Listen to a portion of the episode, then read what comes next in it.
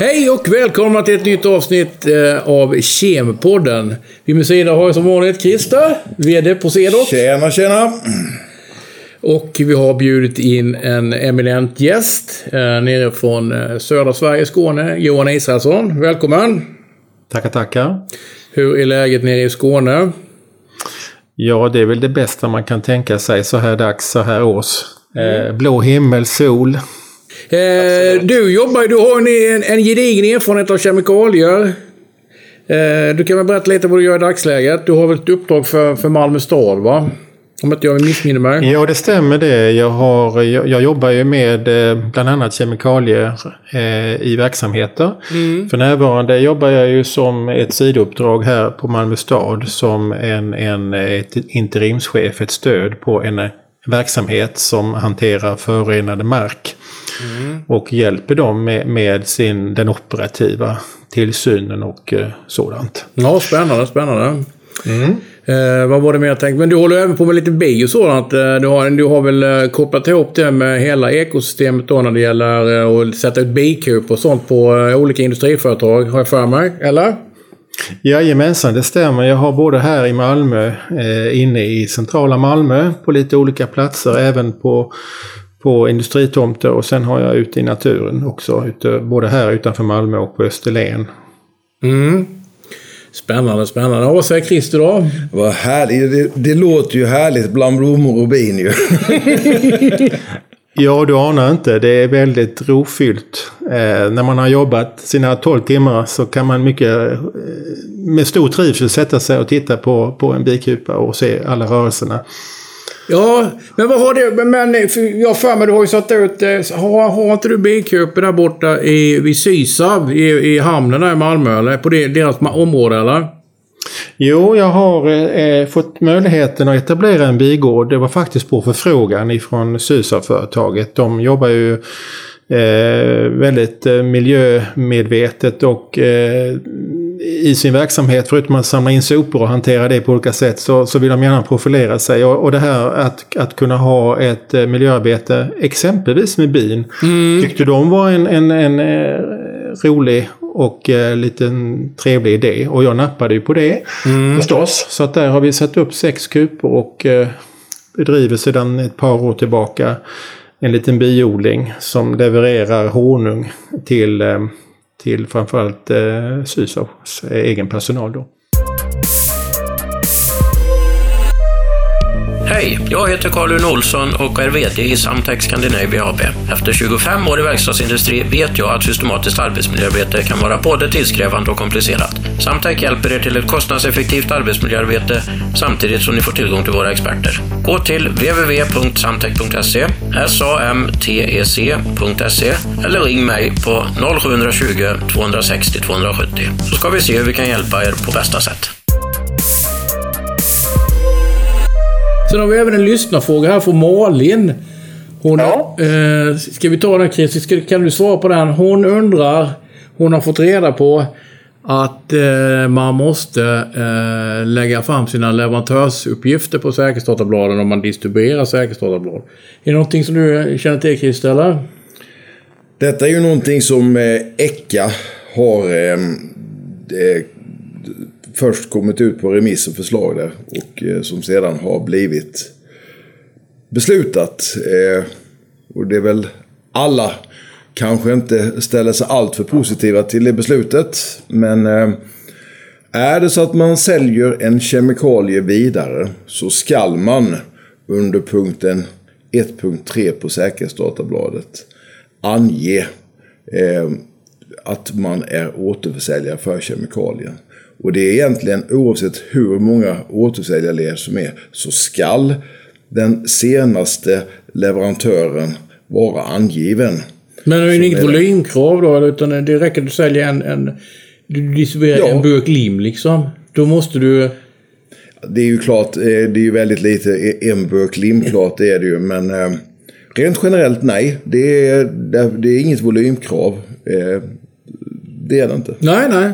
Är det någonting som du har stött på, vad heter det Johan, där? någonting du vill tillägga där eh, kring den nya lagstiftningen? Något som berör dig eller?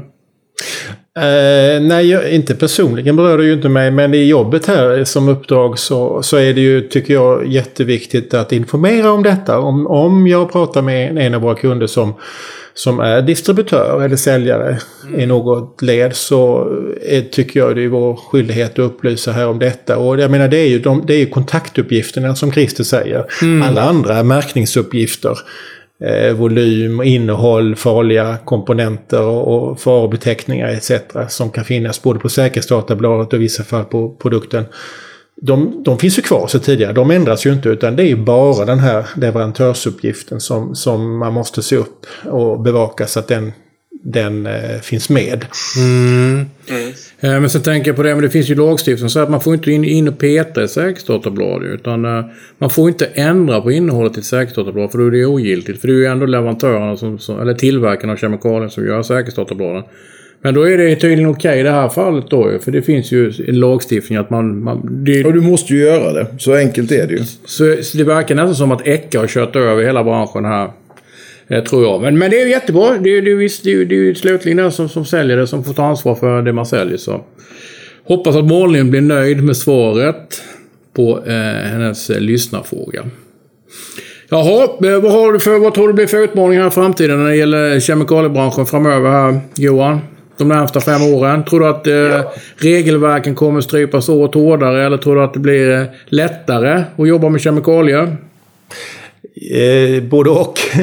Jag skulle vilja säga eh, att eh, lättare på så vis att du kanske i vissa lägen har mindre att välja på. Svårare kanske eh, om du ska ha koll på utfasning och eh, ämnen som förbjuds och så vidare. Men det finns ju system eh, inom EU nu där man försöker samordna hela den här apparaten kring utfasningsämnen, prioriterade riskämnen och sådant. Så jag tror att jag tror att eh, Eh, har man eh, koll på detta och bevakning eh, bland sina kemikalier, kemikaliehantering så kommer man att, att eh, ordna det här. Men den som, som liksom inte har den här kollen, en verksamhet eh, som chansar lite eller tycker att det är mindre viktigt, de kommer kanske att drabbas och få det rätt svårt att reda ut. Mm. Men vi har ju rätt många företag i som, som vill göra rätt för sig, ordning och reda. Mm. Eh, de kommer att ha en, en klar fördel tror jag i detta framöver. Men, men eh, vi kommer se mycket mer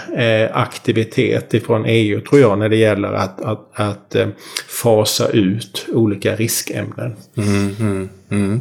det är ju bra ju att det, att det går vidare, det arbetet ju.